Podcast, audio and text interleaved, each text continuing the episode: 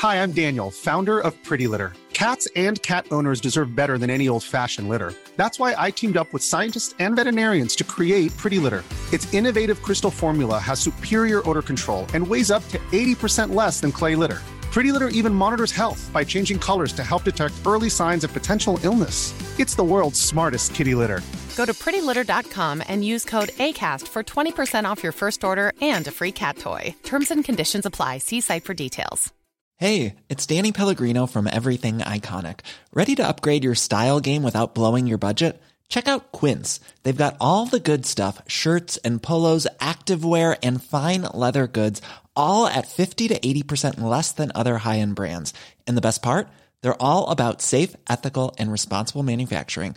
Get that luxury vibe without the luxury price tag. Hit up quince.com slash upgrade for free shipping and 365 day returns on your next order. That's quince.com slash upgrade. I'm Sandra, and I'm just the professional your small business was looking for. But you didn't hire me because you didn't use LinkedIn jobs. LinkedIn has professionals you can't find anywhere else, including those who aren't actively looking for a new job but might be open to the perfect role, like me. In a given month, over 70% of LinkedIn users don't visit other leading job sites. So if you're not looking on LinkedIn, you'll miss out on great candidates like Sandra. Start hiring professionals like a professional. Post your free job on linkedin.com/people today. Hej och välkomna till ett nytt avsnitt av Elbilsveckan med mig Peter Esse och Kristoffer Gullin. Kristoffer, hur har din vecka varit? Otroligt bra måste jag säga. Jag har jobbat min sista timme som anställd IT-konsult. Nu är det mitt eget, eh, mina egna ben jag står på. Nu är det bara podd. Ja, inte bara, men eh, mer tid för content creation. Så det är superkul. Härligt. Själv då? Grattis! Jo, jag eh, har eh, bara tid för content creation men det innebär ju faktiskt tre resor denna veckan. Ja, du har bott på flygplatser. Ja, och ska, när detta spelas in ska jag bara hem och byta om och åka till Barcelona sen. Det är tufft. Det är eh, trevligt. Skämtade lite om att eh, i konversationen där med för jag räckviddstest på de där Airbus-flygen. Så så de kollar. Skapar alltid nytt content. Ja, det var lite spännande faktiskt för när jag skulle hem från, tror det var Stockholm bara, ner till Kastrup för någon vecka sedan. Då var det, ja vi måste vi blir kvar lite till här för det, det är dimma och vind ner i Köpenhamn. Så att vi behöver mer bränsle. Så flygindustrin är ju väldigt bra på att optimera precis vad de behöver för stunden. Och i detta fallet så var det nog mer bränsle i händelse av att de behöver ta sig till en annan flygplats. Eller cirkulera lite över Köpenhamn. Men vi ska i och med det också faktiskt så att jag ska till flygplatsen snart. Så vi ska försöka rassla igenom det här avsnittet lite snabbare än vi brukar. Ja, vi har varit rätt dåliga på det, men eh, den här gången så. Just det. Då har vi fått in lite lyssnarfrågor. Och vi pratade ju om Nissan Aria och nämnde bland annat eh, Volkswagen ID4 och dess mjukvara i förra avsnittet. Och det var flera som reagerade eh, på det och eh, har mejlat oss under veckans gång och frågat om just mjukvaran i Volkswagens bilar 3.0 och hur man får den och så vidare. Så vi har faktiskt bestämt oss för att göra ett litet Volkswagen-avsnitt i kommande vecka eller kanske veckan efter det.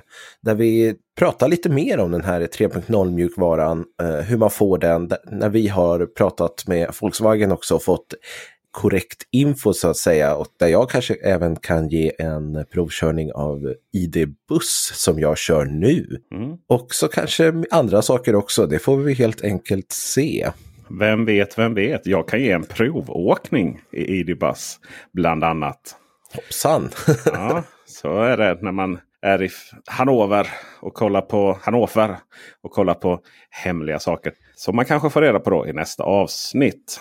Men det är inte den enda frågan vi har fått in. Utan Magnus hör av sig efter förra veckans provkörning av Nissan Aria. Undrar varför vi inte pratar om Hyundai Ioniq 5.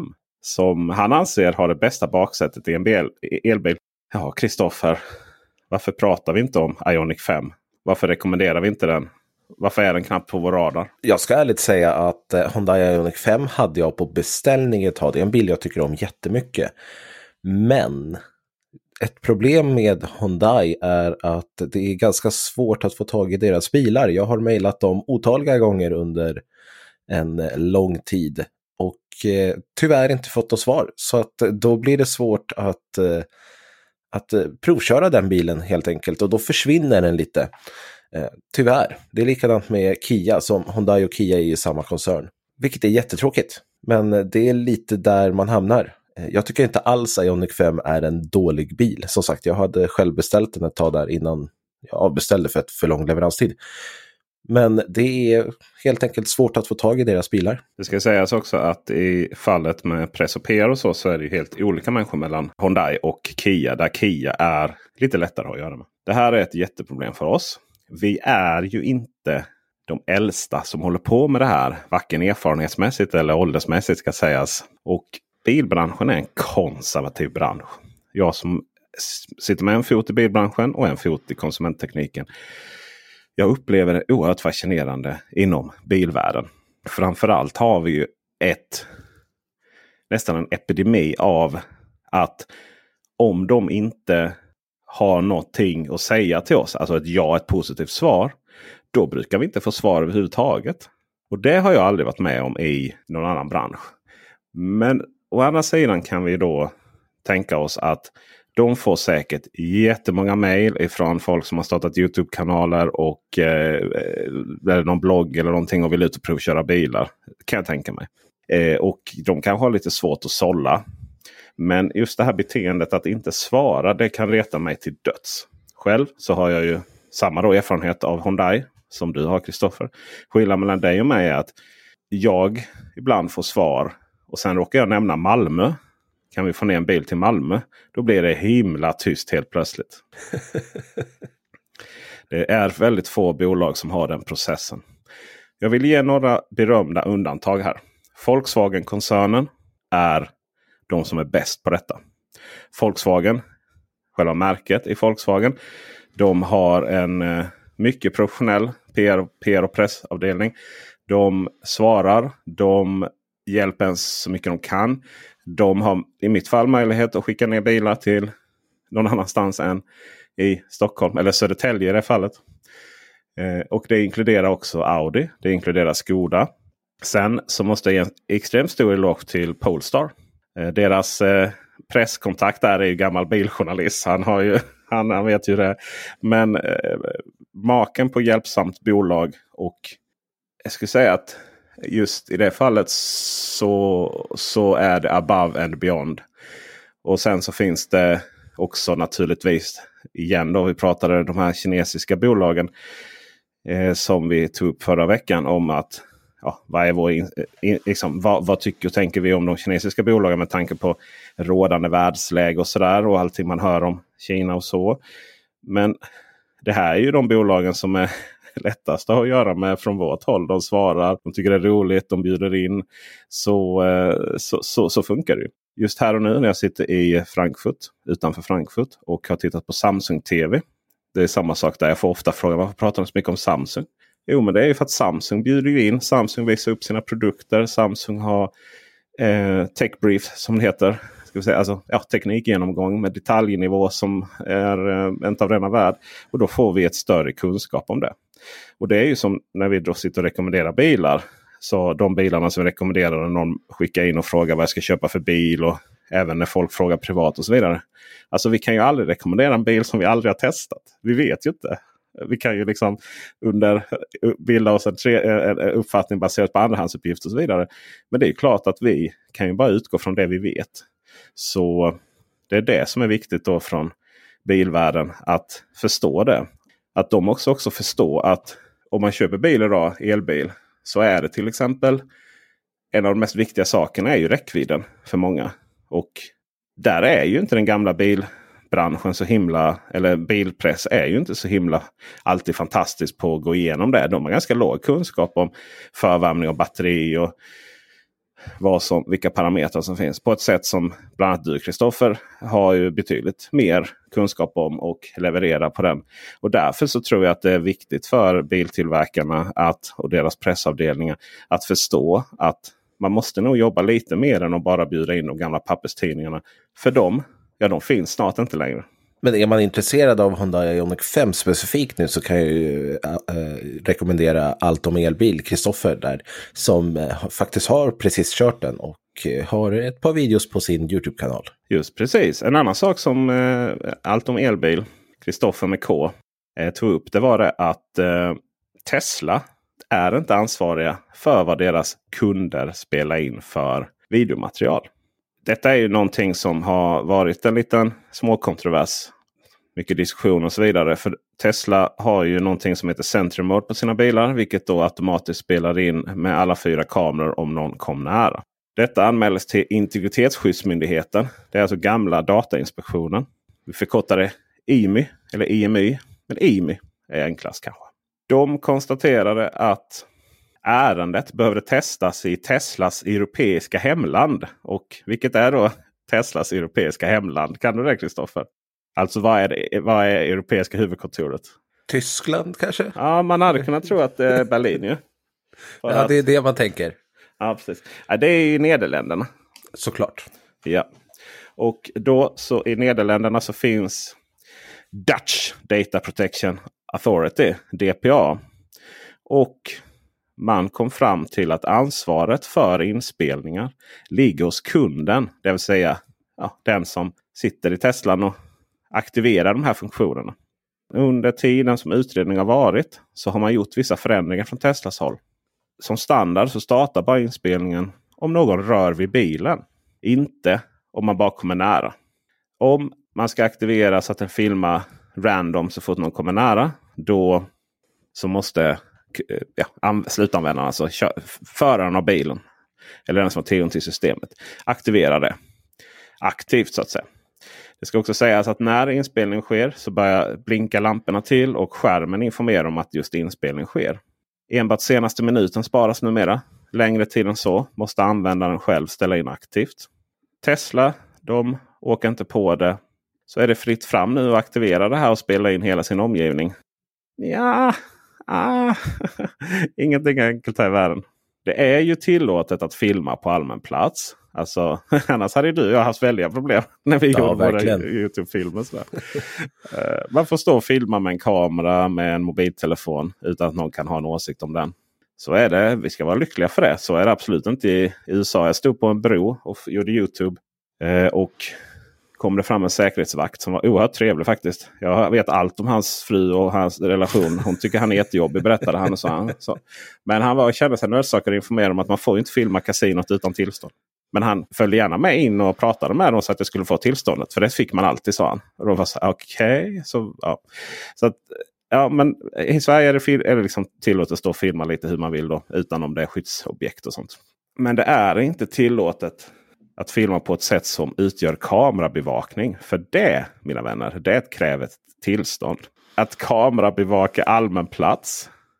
Det, det får du inte lättvindigt. Alltså det får inte ens, liksom, det är ju, eh, Länsstyrelsen har haft väldigt mycket åsikter i den frågan tidigare. Till exempel när kommuner och sånt vill göra det. Du får naturligtvis kameraövervaka din egen tomt. Du får absolut inte kameraövervaka någon annans tomt. Så då är ju nästa fråga. En Tesla som står och filmar när någon kommer nära.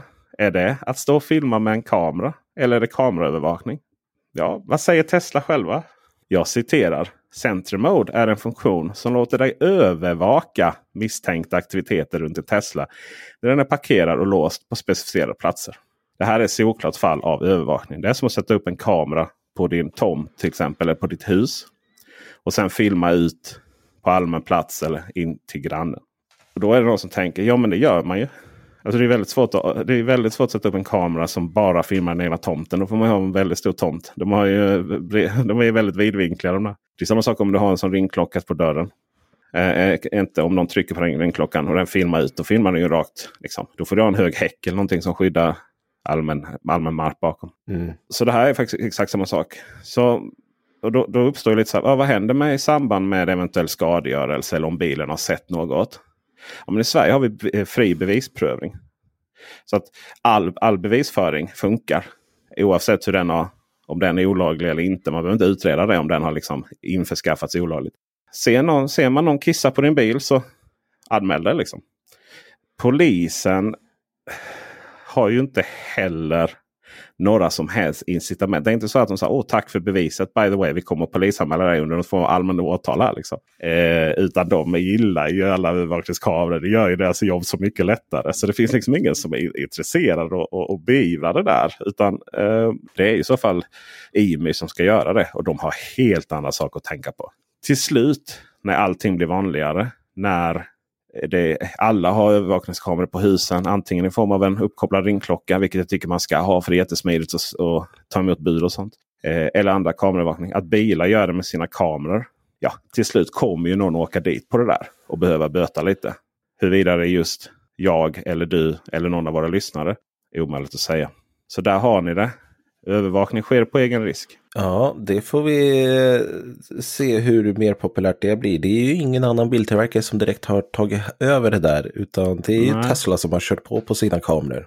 Och jag vill fortsätta prata om Tesla, eller om vi ska prata räckvidd som vi nämnde lite tidigare. För ett par veckor sedan här så körde den norska tidningen Motor sitt årliga räckviddstest och de här räckviddstesten brukar anses vara en av de bättre räckviddstesten som görs. De samlar nämligen eh, ihop ett eh, 20-30-tal bilar eh, två gånger om året, ett sommartest och ett vintertest. Och sen så kör de de här bilarna från 100% hela vägen ner till 0% i samarbete med eh, bärgningsfirma så att eh, det finns bärgare redo när bilarna väl stannar. Man kör de här bilarna på eh, landsväg, motorväg, så som folk använder sina bilar. Inte bara så här motorväg 190-120 som jag brukar göra, utan lite mer blandad körning. Den här gången så var det minus 10 däromkring när man gjorde det här vintertestet.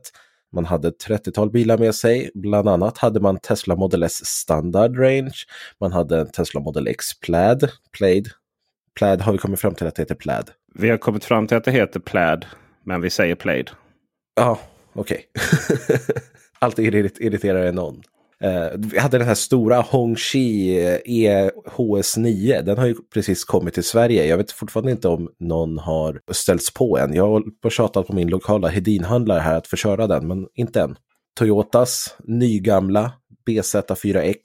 Tvåhjulsdrift. Fyrhjulsdriften fick inte vara med i testet för det drog Toyota tillbaka. Sen hade vi även Volkswagen eh, ID Bus som är den här stora folkabussen som jag kör just nu. Men vinnaren med 530 kilometer på mätaren när den stannade var Tesla Model S standard range. Och när jag säger standard range så är det long range som i, Sverige. Det finns ju bara eh, long range och eh, plaid. Men i Motors test så har man valt att kalla den just standard lite förvirrande kanske, men standard och long range här är samma sak. Bara förklara det. Men 530 kilometer i minus 10. Det, det är riktigt bra får man ändå säga. Den har en VLTP på 634 kilometer, vilket gjorde att den kom alltså ungefär 10 mil kortare. Men det får man ändå anse okej okay, tycker jag när det är den kylan som ju påverkar batterier såklart. Det är nytt rekord i deras vintertest och kollar man deras tabell som, så ligger Model S på just eh, en väldigt låg förbrukning jämfört med många övriga bilar. Den ligger runt 16-17 kWh per 100 km. Kollar vi på klossen ID Buzz så låg den närmare 24 kWh per 100 km istället. Men det är ju som sagt också en minibuss. Jag har själv inte gjort räckviddstest på den bilen än, så jag vet inte vad man kan förvänta sig. Och jag har inga 10 minus ute hos mig just nu i alla fall. Jag tror att allt som ID Buzz levererar kommer vara imponerande. För den bilen är som att den liksom Volkswagen har inte, det finns ju många problem med deras MEB-plattform. Men sen så bara, vi gör en buss också. och Sen bara visar sig att den levererar typ allting. Jag vill inte säga för mycket än, men ja. det här är Detta, fantastiskt ja, roligt.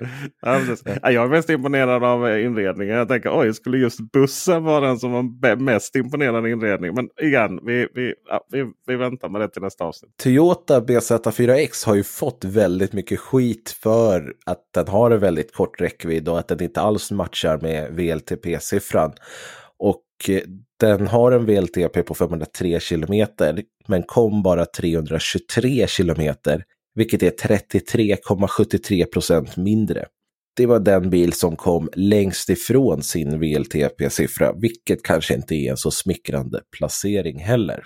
Men funderar man på en elbil och vill veta hur den presterar i kyla så kan jag varmt rekommendera testet på motor.no där de har en massa tabeller man kan titta i. Jag lägger även en länk i våra show notes och på elbilsveckan.se så att det blir lätt att hitta den artikeln där. Och den är gratis, man behöver inget premium för att läsa den så som många andra tidningar har här i Sverige. Utan norrmännen de ger ifrån sig gratis grejer, vilket såklart är himla trevligt för dig som läsare. Eh, jag tänker lite så här just eh, kyla och sånt. Hur, hur, hur är din strategi där när du gör dina räckviddstester? För det, är, det påverkar ju nästan orimligt mycket. Ja, det, det svåra jag kan tycka är att komma igång. För att jag gör ju det gärna tidigt på morgonen eller förmiddagen nästan innan det har kommit ut allt för mycket trafik. Jag åker ändå 90 på en 120-väg, det är inte toppen liksom. Så jag brukar försöka välja när det är lite trafik. Men det är ju oftast på förmiddagen eller tidig morgon och då är ju ofta batteriet kallt. Och det påverkar ju också förbrukningen. Så då måste man ju liksom först försöka få upp lite värme i batteriet så att det inte är helt nedfruset och kan ge lite bättre eh, siffror än om man skulle börja direkt från liksom, ett kallstartat batteri. Vintermässigt så är det framförallt det jag brukar försöka fokusera lite på. Att få upp temperaturen i batteriet lite grann i alla fall. Jag tycker ju att det här med temperatur på batteriet och förvärme och sånt. Det verkar ju vara lite voodoo. Framförallt på grund av att det finns Nej, men det finns ju bilar där det uppenbarligen inte händer någonting. Hiring for your small business? If you're not looking for professionals on LinkedIn, you're looking in the wrong place. That's like looking for your car keys in a fish tank. LinkedIn helps you hire professionals you can't find anywhere else, even those who aren't actively searching for a new job but might be open to the perfect role. In a given month, over 70% of LinkedIn users don't even visit other leading job sites. So start looking in the right place. With LinkedIn, you can hire professionals like a professional. Post your free job on linkedin.com slash people today. Hi, I'm Daniel, founder of Pretty Litter. Cats and cat owners deserve better than any old-fashioned litter. That's why I teamed up with scientists and veterinarians to create Pretty Litter. Its innovative crystal formula has superior odor control and weighs up to 80% less than clay litter. Pretty Litter even monitors health by changing colors to help detect early signs of potential illness. It's the world's smartest kitty litter. Go to prettylitter.com and use code ACAST for 20% off your first order and a free cat toy. Terms and conditions apply. See site for details. Vi pratade ju om Nissan Aria till exempel. Mm. Det, det, är lite så här och, och, och, det finns andra rapporter. Det är så här, det, och det är ju också utgångspunkten då ifrån Volkswagen Bland annat då eh, förvärmen, när kom den och på vilka versioner och sånt. För det är lite olika där med vilken version man har på bil och sånt också. Vilket typ batteri. Det är aldrig så himla tydligt. Jag tycker det är en sån funktion som borde vara jättetydligt. Sker det någon förvärme eller sker det ingen förvärme? Och vad innebär det? Och tydlighet är ju A och O. Vi har ju till exempel Mercedes som visar så här snabbt kommer jag ladda när jag anländer till laddstationen här när jag slått in i GPSen. Baserat på parametrar såsom temperaturbatteriet. Och då visar den då att den håller på förvärme. Så att, och så ser man hur det höjs då allt eftersom batteriet blir varmare. Då. Det andra är ju naturligtvis laddnivå på batteriet. Eh, när man kommer dit. Och sen så tredje då naturligtvis hur snabbt laddaren är. Liksom. Och sen var det ju Chempower till exempel. De visar ju väl eh, vems fel det är om det går lite långsamt. Ja. Om det är, om det är ladd, laddaren eller alltså den egna laddaren. Eller Precis. om det är bilen. Och all den här, den här informationen känns som att det borde vara så himla självklart att visa i alla bilar. Jag kan inte förstå varför man som biltillverkare inte vill vara det. Jag vet inte, det handlar väl kanske om prioriteringar. Jag menar med tanke på att vissa bilar inte ens kan leverera grundläggande funktioner såsom eh, Toyotan då, som delvis blivit återkallad. Och då har vi en återkallelse som inte involverar bara att man har förändrat mjukvara. Liksom, så som Tesla. Nej, det där var en riktig återkallelse. det var en fysisk sådan. Så, så det är för mig, det är för mig, eh, det tycker jag absolut ut någonting. Jag, jag ska ta till mig det själv när jag recenserar. Jag ska ha det som ett skallkrav. För om jag, om, om jag ska vara nöjd med bilen. Den transparensen måste finnas. Det är ju väldigt olika. Jag, jag brukar ju försöka använda det just i mina långtester där och se hur för, bra förvärmningen är och det. Jag åkte BMW iX1 häromdagen och där får man upp en liten symbol i förardisplayen som visar att ja, men nu, ladd, nu förvärms batteriet. Och det är ju alltid någonting. Det är likadant, Tesla skriver ju också ut att nu förvärmer vi batteriet. Polestar har någon liten symbol som, som finns där men som inte folk hittar tror jag. Samtidigt tycker jag att det är lite svårt också det här med batteriförvärmning. Att eh, vissa bilar vill att du ska navigera, vissa låter dig aktivera det manuellt. Och eh, det är väldigt märkligt och ofta när man får aktivera det manuellt, vilket såklart är det absolut bästa tycker jag, för att det finns ingen bil jag har kört som har alla laddare i sig i sin navigation, utan då är ju manuell hantering det absolut smidigaste. Men det ligger oftast gömt nere i någon eh, långsam meny så att man behöver sitta och göra massa tryck på skärmen medan man kör. Då för att starta den där batteriförvärmningen, det borde ju vara en snabb knapp om något. För det gör man ju liksom när man kör bilen. Eh, så att batteriförvärmning är ett helt ämne i sig. Alla bilar gör det olika. Vissa har ju så att du förvärmer batteriet när du navigerar till just den här laddaren från det här nätverket, men inte när du navigerar till laddaren på det här nätverket. Det är så rörigt. Och eh, jag förstår att det blir förvirrande när man inte har koll på det. Som vanlig konsument ska man inte behöva Nej, tänka precis. på det. Och där har ju faktiskt Mercedes gjort ett bra jobb. Mm. Med att förklara. Det, det var riktigt imponerande när jag såg det. Mycket som är imponerande med Mercedes. De har gått ifrån att vara det som lantbrukarna äh, körde i i Blekinge eh, diesel. De enda dieselbilarna som fanns då back in the days där. För då kunde de ju tanka med, från samma tank som eh, eh, skogsmaskinerna och traktorerna och sånt. och, så, och så den här svarta röken. eh, det är lite det är så samma, samma Mercedes-form som så diplomatbilar och sånt som man såg liksom 80-talsfilmer. och sånt. Eh, det har väl gått lite, lite utveckling här nu. Mycket ljusfäst och eh, även Minst framåt när det kommer till prenumerationstjänster och så vidare. och så vidare. Men vi ska avsluta med att tyvärr prata om en annan svunnen biltillverkare. Eller en svunnen biltillverkare som lade ner i Trollhättan för några år sedan och sen blev Nevs. Och nu verkar den sagan tyvärr också vara slut tyvärr och tyvärr är det någon som bryr sig. Det, det beror på hur man ser på det. Eh, Trollhättan är ju en stad som många förknippar med just bilmärket Saab. Och eh, de gick ju i konkurs i början där av 10-talet och, och det har sedan varit många turer fram och tillbaka med ägare hit och dit och eh, man har hört rykten om konkurser som, som ska komma och det. Men Företaget Nev som sagt tog över 2012 och har försökt eh, sälja en Saab 9-3 Aero eh, i början där. Men eh, det gick si sådär även med det. Till slut så vi, eh, fick de eh, inte använda namnet Saab längre. De gjorde ett omtag, försökte sälja en elektrisk version med namnet Nevs 93 EV istället. Med en räckvidd på omkring 300 kilometer. Och eh, det var en bil som främst var för den kinesiska marknaden. Den tillverkades också där. Men en stor del av utvecklingen var faktiskt gjord här i Sverige i Trollhättan.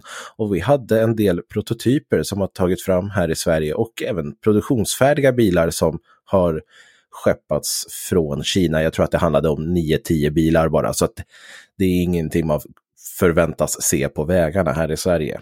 Det har inte blivit någon succé för Nevs, utan det företaget har tampats med sina ekonomiska problem som sagt.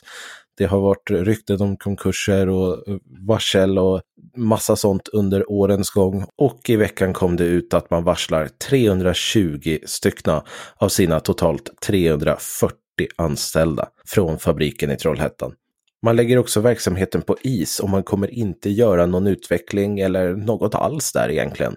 Utan de som finns kvar verkar ju vara typ ledningsgruppen som, jag vet inte riktigt vad de ska göra, men det kommer nog inte hända allt för mycket i fabriken där. Det är inte första gången som marsvarsel sker hos Nevs, men det verkar vara den sista, för nu finns det ju som sagt inte så många anställda kvar att varsla. Jag håller ändå tummarna på att något mirakel ska ske här och att Trollhättan förblir en del av Motorsverige och inte bara en del av historien. Jag är ju lite sentimental på det viset. Vet du förresten vad NEVS står för, Peter? Är det någonting med New? Det är ingenting med New faktiskt, utan det är National Electric Vehicle Sweden. Aha. Det är ett namn man skulle ha på bakluckan. ja, alltså Saab, ja. Eh, jag minns ju hela det här. Och det ska sägas, de intervjuade ju kommunalråd där i Trollhättan. Han var väl ganska så här. Ja, alltså det här är ju ingen jättegrej liksom. Det är så här 300 anställda. Alla har kompetens som många andra bolag vill ha både i och utanför Trollhättan. Mm. De har stora arbetsgivare i Trollhättan, tusentals. Man har ju överlevt Saab-vasslet så att säga, eller nedläggning. Mm, precis, man var ju orolig där när Saab eh, gick omkull. Att vad ska hända med alla anställda? Men det har ju faktiskt gått rätt bra. Även om det har mm. blivit mindre och mindre och mindre anställda där nu eh, senaste tio åren med Nevs också. Ja men det har det ju. Men det är ju alltså ja, Volvo personvagnar är ju som vi har konstaterat tidigare Sveriges största arbetsgivare och därmed också regionens största arbetsgivare. Mm. Det finns att göra för kompetent personal. Och just när det kommer till Volvo så det är ju roligt med de här lite mindre städerna. Att, att det var inte bara Trollhättan som hade gammal biltillverkning, Saab då. Utan grannbyn Uddevalla har ju också haft en bilfabrik. Jaha, är det Volvo som hade där då alltså? Ja, och eh, man tillverkade ju Volvo C70 där. Mm. Så man hade en helt egen fabrik i Uddevalla där man eh, tillverkade Volvo C70 i två generationer. Det hela började ju som ett eh, stödpaket eh, till Uddevalla. Ett statligt stödpaket när man skulle kompenseras för varvskrisen och nedläggningen av Udde, Uddevallavarvet. Då. Eh, så eh, det är ju mycket storfabriker. Men eh, se, vi ska inte idla alldeles för länge runt den bilen heller. Den är också en svunnen tid. Jag tror att det är inte bara Polestar är inte resultatet. Enbart, enkom resultatet är det senaste resultatet av att Volvo även vill vara lite ungdomligt. Och eh, det liksom första här var ju C70 då, en cabriolet helt enkelt. Eh, och den eh, anledningen till C70 var att den eh, det var ju en systerbil till Volvo V70 och Volvo S70. En modell baserat på Volvo 850. Mm. Så det var ju ett tag sedan. Alltså du är ju knappt född då Kristoffer. Jag var född när 850 fanns. Ska vi inte vara sådana? Ska vi vara snälla? ska, vi, ska vi vara sådana? du måste ju, det, jag satt du på barnstol då. Uh, det däremot gjorde jag. ja just det. Precis, så måste det varit ju. Eh, sen så uppdaterades den eh, och blev eh, när, liksom den, eh, när, när den generationen äldre Volvo försvann. Och eh, V70 och S80 kom då. Eh, då eh, baserade man istället nya Volvo C70 generation 2 då på S40 och V50-plattformarna. Eh, och, där, eh, och S40 och V50 eh, tillverkades i eh, Belgien. Som alltid gjort den serien småbilar. Så fortsätter man faktiskt tillverka C70 i Uddevalla. Och då var det inte längre Volvos egna fabrik i Uddevalla. Utan eh, den togs över av Pininfarina Sverige AB.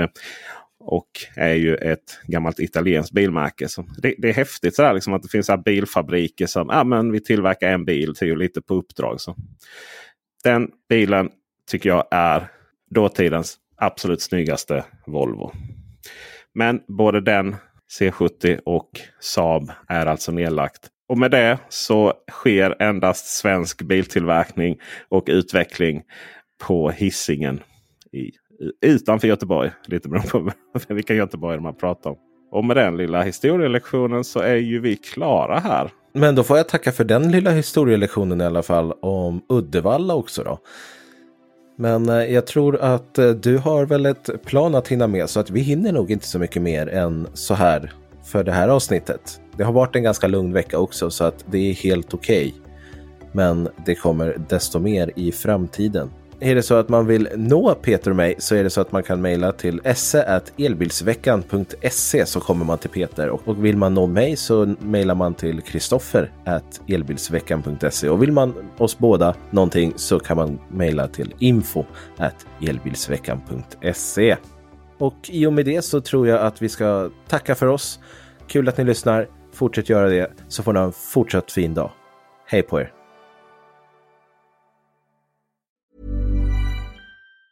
Hi, I'm Daniel, founder of Pretty Litter. Did you know cats tend to hide symptoms of sickness and pain? I learned this the hard way after losing my cat, Gingy. So I created Pretty Litter, a health monitoring litter that helps detect early signs of illness by changing colors, saving you money and potentially your cat's life. Pretty Litter is veterinarian developed, and it's the easiest way to keep tabs on your fur baby's health right at home. Go to prettylitter.com and use code ACAST for 20% off your first order and a free cat toy. Terms and conditions apply. See site for details. Protect your dream home with American Family Insurance. And you can weather any storm. You'll also save up to 25% by bundling home, auto, and life. American Family Insurance. Get a quote. Find an agent at amfam.com. Products not available in every state. Discounts may not apply to all coverages on an auto or home policy. Discounts do not apply to life insurance policies. Visit mfm.com to learn how discounts may apply to you. American Family Mutual Insurance Company SI and its operating companies American Family Life Insurance Company 6000 American Parkway, Madison, Wisconsin.